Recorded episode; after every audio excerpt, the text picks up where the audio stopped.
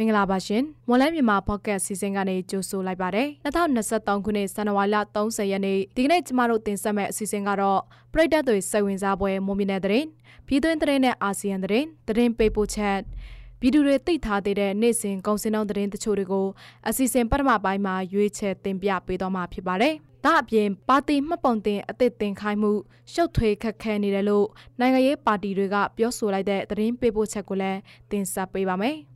ဒီကနေ့စီစဉ်မှုကတော့ကျမတော်တာကတာဝန်ယူတင်ဆက်ပေးတော့မှာဖြစ်ပြီးကျမနဲ့သူကိုရမွန်ကအကူအညီတင်ဆက်ပေးတော့မှာပါနားဆင်နေကြတဲ့ပရိသတ်အားလုံးကိုမင်္ဂလာပါလို့နှုတ်ခွန်းဆက်သပါရစေကျွန်တော်ကိုရမွန်ကသတင်းတွေကိုကူညီဖတ်ကြားပေးတော့မှာဖြစ်ပါတယ်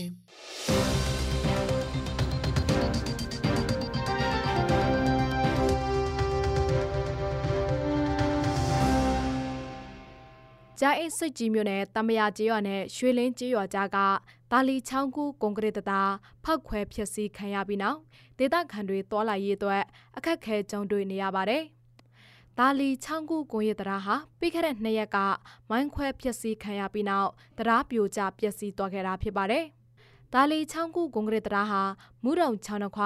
ကြိုင်အင်းစိတ်ကြီးဖျားတောင်းစုလမ်းပေါ်ကတရားသစင်းဖြစ်ပြီးမွန်ပြည်နယ်နဲ့ကရင်ပြည်နယ်အကြားခရီးသွားလာရေးကုန်စည်ပို့ဆောင်ရေးအတွက်အဓိကကျတဲ့တရားသစင်းဖြစ်ပါတယ်။ လက်ရှိမှာတော့တာလီချောင်းကူကွန်ကရစ်တရားပြိုကျပျက်စီးသွားတဲ့အတွက်ခီးသွားတွေနဲ့ကုန်စည်တည်ယူပို့ဆောင်ရေးအတွက်များစွာအခက်အခဲရှိလာတယ်လို့ခီးသွားတွေကပြောဆိုကြပါတယ်။ကရင်မျိုးသားစီယုံကော့တူလေအောက်ချုံမှုနယ်မြေစောတိမြို့နယ်တဲကဒေတာခံပြည်သူတို့ကစစ်တပ်ကဖမ်းဆီးပြီးနောက်တောင်းရက်အကြာမှာအညိုမဲဆွဲတန်ရာတွေနဲ့ရောက်အလောင်းကိုသာမိသားစုစီပြန်ပို့ခဲ့တယ်လို့ KNU ဖိုးကမနေ့ကထုတ်ပြန်ပါတယ်။ KNU တပ်မဟာတောင်းနယ်မြေစောတိမြို့နယ်စိတ်ကလေးစုတော်ရွာက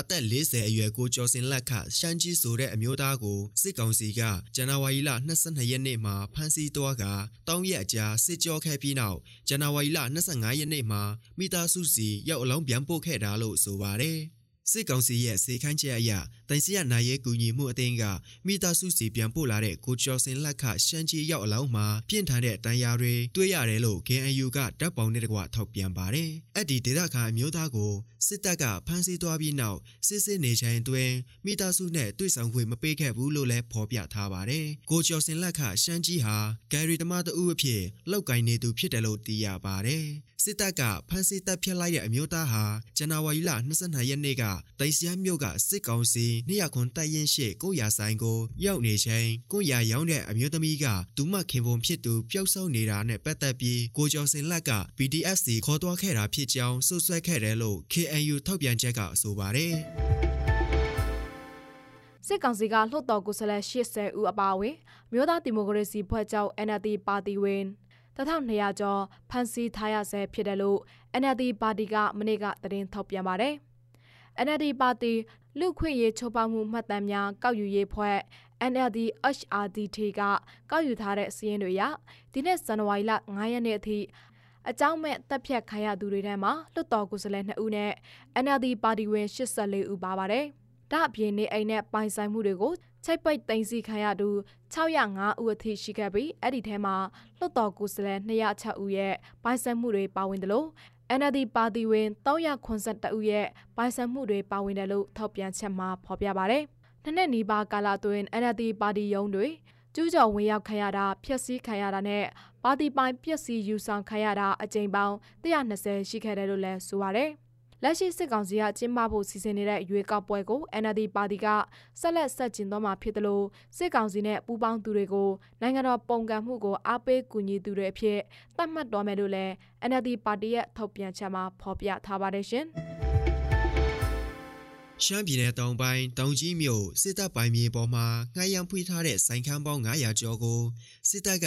ပြီးခဲ့တဲ့နှစ်ရက်နေ့ကဘူဒိုစာနဲ့ရှင်းလင်းပြီးဖယ်ခိုင်းခဲ့ပြီးဆိုင်ခန်းပိုင်ရှင်တွေစီကဘူဒိုစာခတောင်းခံခဲ့တယ်လို့ဆိုင်ပိုင်ရှင်တွေကပြောပါတယ် ဒီဆိုင်ခန်းဟာဆိုရင်1994ခုနှစ်ကတည်းကစစ်တပ်ရန်ပေါင်းငွေအတွက်ဆိုပြီးငှားရမ်းခဲ့တာဖြစ်ပြီးစာချုပ်ပြည့်တယ်ဆိုတဲ့အကြောင်းပြချက်နဲ့စစ်တပ်ကပြန်ဖယ်ရှားခိုင်းခဲ့တာပါဒီဆိုင်ခန်းပေါင်း900ခန်းမှာနေထိုင်သူတွေဟာဆိုင်ခန်းမှာပဲနှစ်ပေါင်းများစွာနေထိုင်သူလဲရှိတာကြောင့်ပြောင်းရွှေ့ဖို့အခက်အခဲရှိနေကြတယ်လို့ဆိုပါတယ်ပြည်တွင်းမှာစစ်တပ်အာဏာသိမ်းပြီးနောက်ပိုင်းဆိုင်ခန်းပိုင်ရှင်တချို့ကတော့စစ်တပ်နဲ့မပတ်သက်လိုတာကြောင့်ဆိုင်ခန်းကိုပြန်အပ်သူတွေလည်းရှိခဲ့တယ်လို့ဆက်သိရပါတယ်လက်ရှိအခြေအနေမှာတော့ဆိုင်ခန်းတွေမှာနှစ်ပေါင်း20ကျော်မိခိုလာတဲ့အိမ်တောင်စုပေါင်း400ကျော်ကလက်လောက်လက်စားမိသားစုတွေဟာနေစရာမဲ့အခြေအနေဖြစ်ပေါ်နေတယ်လို့ဆိုပါတယ်ထိုင်းနိုင်ငံရနောင်းမြို့ကမြန်မာပြည်ပြည်ရမဲ့သူတွေထားတဲ့အချုံမှာမြန်မာလောက်သမားတွေနေရက်ပြန်ကြဖို့ကြက်ကြားနေတာကြက်ကြားနေတာကြောင့်တနေ့ကစလို့စန္ဒပြနေတယ်လို့ရွှေပြောင်းလောက်သမားတူကပြောပါတယ်ဒီအချုပ်ဟာပြစ်ရှိတဲ့သူတွေကိုဖမ်းဆီးတဲ့အချုပ်မျိုးမဟုတ်ပဲခိုးဝင်မှုအထောက်ထားမစုံလင်မှု စားတဲ့အကြောင်းမျိုးမျိုးနဲ့ဖမ်းဆီးအကျဉ်းချခံရပြီးနောက်လွတ်မြောက်လာသူတွေကိုထားတဲ့နေရာပဲဖြစ်ပါတယ်။အဲ့ဒီကနေတစ်စိမြန်မာပြည်ပြန်ပို့တာလို့အလောက်သမားတူကပြောပါတယ်။အချုပ်ထဲမှာမြန်မာပြည်ပြန်ရမဲ့သူ900နီးပါးရှိပြီးတချို့လောက်သမားတွေဟာအချုပ်ထဲကိုရောက်နေတာ6လဝန်းကျင်ရှိနေပြီလို့မြန်မာအလောက်သမားတူကပြောပါတယ်။မြန်မာနိုင်ငံဘက်ကတလကိုနှစ်ကြိမ်လုံးနဲ့မြန်မာနိုင်ငံသားတွေကိုပြန်ခေါ်လေးရှိပြီးလက်ရှိမှာတော့ပြန်မခေါ်တာနှစ်လနီးပါးရှိပြီလို့သူကပြောပါတယ်။ ဘာကြောင့်ပြန်မခေါ်တာလဲဆိုတာတိတိကျကျမသိရသေးပါဘူး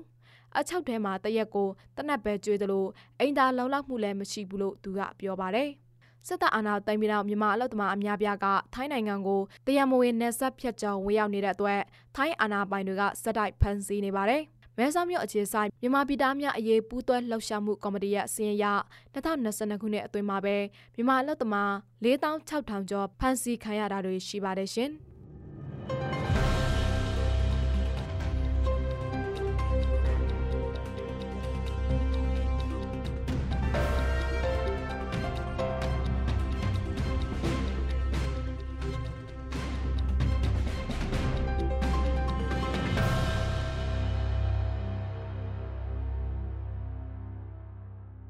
ပြည်သူတွေသိထားတဲ့နေ့စဉ်ကုန်စည်နှုန်းသတင်းတချို့ကိုမော်လမြိုင်ကုန်စည်တိုင်းကအချက်လက်တွေကိုအခြေခံပြီးကျမတော်တာကတင်ဆက်ပေးပါဦးမယ်။ဒီတဲ့ထိုင်းနဲ့မြန်မာငွေလဲတဲ့နှုန်းကတော့ထိုင်းဘတ်86ကျပ်50ပြားဝယ်ဈေးရှိပြီးတော့ရောင်းဈေးက89ကျပ်30ပြားရှိနေပါတယ်။ဒေါ်လာဈေးကတော့အမေရိကန်ဒေါ်လာကိုဝယ်ဈေးမြန်မာငွေ2845ကျပ်ရှိပြီးရောင်းဈေးကတော့2855ကျပ်ရှိနေပါတယ်။ ရွှေစင်းနှောင်းကတော့မီလ16ပဲရည်တစ်ကြက်တာကိုရန်ကုန်ရွှေအသင်းကနေဒီကနေ့ဈေးကွက်မှာ22သိန်းဝန်းကျင်ရှိပြီးအပြင်ပေါက်ဈေးကတော့28သိန်းအထက်မှာရှိနေပါတယ်။73စီဈေးတွေကတော့ဒီဇယ်တလီတာကို2540ကျပ်အောက်သိန်း92တလီတာကို2325ကျပ်နဲ့95တလီတာကို2415ကျပ်အထိရှိနေတာပါ။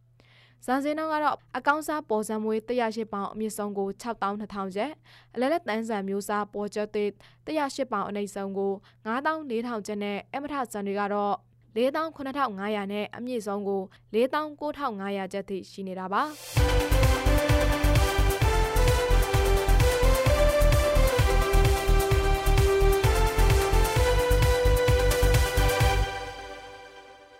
အခုတင်ဆက်ပေးတော့ခဲ့တာကတော့ဇန်နဝါရီလ30ရက်နေ့မှာဖြစ်ပျက်ခဲ့တဲ့မွန်ပြည်နယ်တရင်ပြည်တွင်းတရင်နဲ့အာဆီယံတရင်တွေအပြင်တနေတာစီစိငွေစိနဲ့ဂုံစိနှုံးတွေကိုတင်ဆက်ပေးတော့ခဲ့တာဖြစ်ပါတယ်။ဆက်လက်ပြီးတော့ပါတီမှတ်ပုံတင်အသစ်တင်ခိုင်းမှုရှုပ်ထွေးခက်ခဲနေတယ်လို့နိုင်ငံရေးပါတီတွေကပြောဆိုလိုက်တဲ့သတင်းပေးပို့ချက်ကိုစတောက်သစ္စာကတင်ဆက်ပေးပါဦးမယ်။ နိုင်ငံရေးပါတီများမှတ်ပုံတင်ခြင်းဥပဒေပါသတ်မှတ်ချက်တွေကမှတ်ပုံတင်ရေးလုပ်ငန်းစဉ်မှာရှောက်ထွေးခက်ခဲနေတယ်လို့နိုင်ငံရေးပါတီတွေကပြောပါတယ်။အဲ့ဒီဥပဒေအရမိမိတို့ပါတီမှာမှတ်ပုံတင်မယ်ဆိုပါက၄ခုလောက်မှတ်ပုံတင်ရမယ့်အနေအထားဖြစ်နေတယ်လို့ရခိုင်မျိုးသားပါတီ ANP မှဥက္ကဋ္ဌဦးတာထွန်းလှကပြောပါတယ်။ဒီဥပဒေအရဆိုရင်ကျွန်တော်တို့မှာကကျွန်တော်တို့ပါတီပါရေးတော့ရခိုင်မှာရှိတယ်။ရန်ကုန်မှာရှိတယ်။အေရဝတီတိုင်းမှာရှိတယ်။ရှင်းပြည်နယ်ပလောဝမှာရှိတယ်။အခုဥပဒေရဆိုရင် ကျွန်တော်တို့ပါတီကမှတ်ပုံတင်မယ်ဆိုရင်ဟိုမှတ်ပုံတင်ပါတီလေးခုလောက်တော့ပြီးမှတ်ပုံတင်ရမယ်သဘောတော့ဖြစ်နေတယ်ဥပဒေရခိုင်ရခိုင်ပြည်တော့တခုတင်ရမယ်ရကုန်တဲ့တော့တခုတင်ရမယ်အေရဝေတဲ့တော့တခုတင်ရမယ်ရှင်းပြည်နေတဲ့တခုတင်မယ်အဲ့လိုပါတီလေးခုမှတ်ပုံတင်ရမယ်အဖို့လို့အဲ့လိုမျိုးဟိုအရိပေတော့တဲ့တယ် ပါတီဆောင်နိုင်ငံရေးစနစ်ကိုထူထောင်ရန်နိုင်ငံရေးပါတီများအားကောင်းရန်လိုအပ်ပြီးထိုမှသစေပါတီဆောင်စနစ်နဲ့တည်တည်ငြိမ်ငြိမ်ဖွံ့ဖြိုးတိုးတက်တဲ့နိုင်ငံတစ်ခုဖြစ်လာမှာဖြစ်ကြောင်းလက်ရှိအနေထားအရနိုင်ငံရေးပါတီတွေတော့ခက်ခဲများစွာဖြစ်စေတယ်လို့ဥတာထွန်းလှကဆိုပါတယ်။ တိုင်းဒေသကြီးဒါမှမဟုတ်ပြည်내တစ်ခုတွင်စီရောက်မြစ်ပါတီဖြစ်ပါကပါတီရန်ပေါင်းကိုကျပ်သိန်းတရာကိုမြမအစည်းအဝေးရေးပန်တစ်ခုခုတွင်ငွေစင်းဖွင့်လှစ်ထားဖို့နဲ့နိုင်ငံရေးပါတီဖြစ်မှတ်ပုံတင်ခွင့်ပြုတဲ့နေ့မှစပြီးရပ်ပေါင်း90တွင်ပါတီဝင်ဥယေအ ਨੇ ဆောင်တထောင်ကိုစီရောက်ရမှာဖြစ်တယ်လို့စစ်ကောင်စီဥက္ကဋ္ဌလက်မှတ်ထိုးထုတ်ပြန်ခဲ့တဲ့နိုင်ငံရေးပါတီများမှတ်ပုံတင်ခြင်းဥပဒေမှာဖော်ပြထားပါတယ်။ အဲဒီနောက်ပြည်ထောင်စုတဝန်စီရောက်မြပါတီဖြစ်ပါက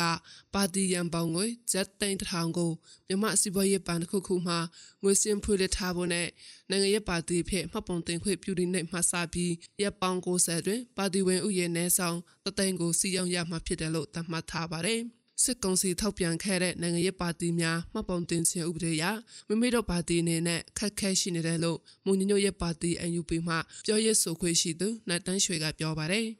အခက်အခဲက ဒီလိုရှိတယ်နော် သူထောက်ပြန်ထားတဲ့ဒီနိုင်ငံမှတ်ပုံတင်ဥပဒေအရဆိုလို့ရှိရင် ကျွန်တော်တို့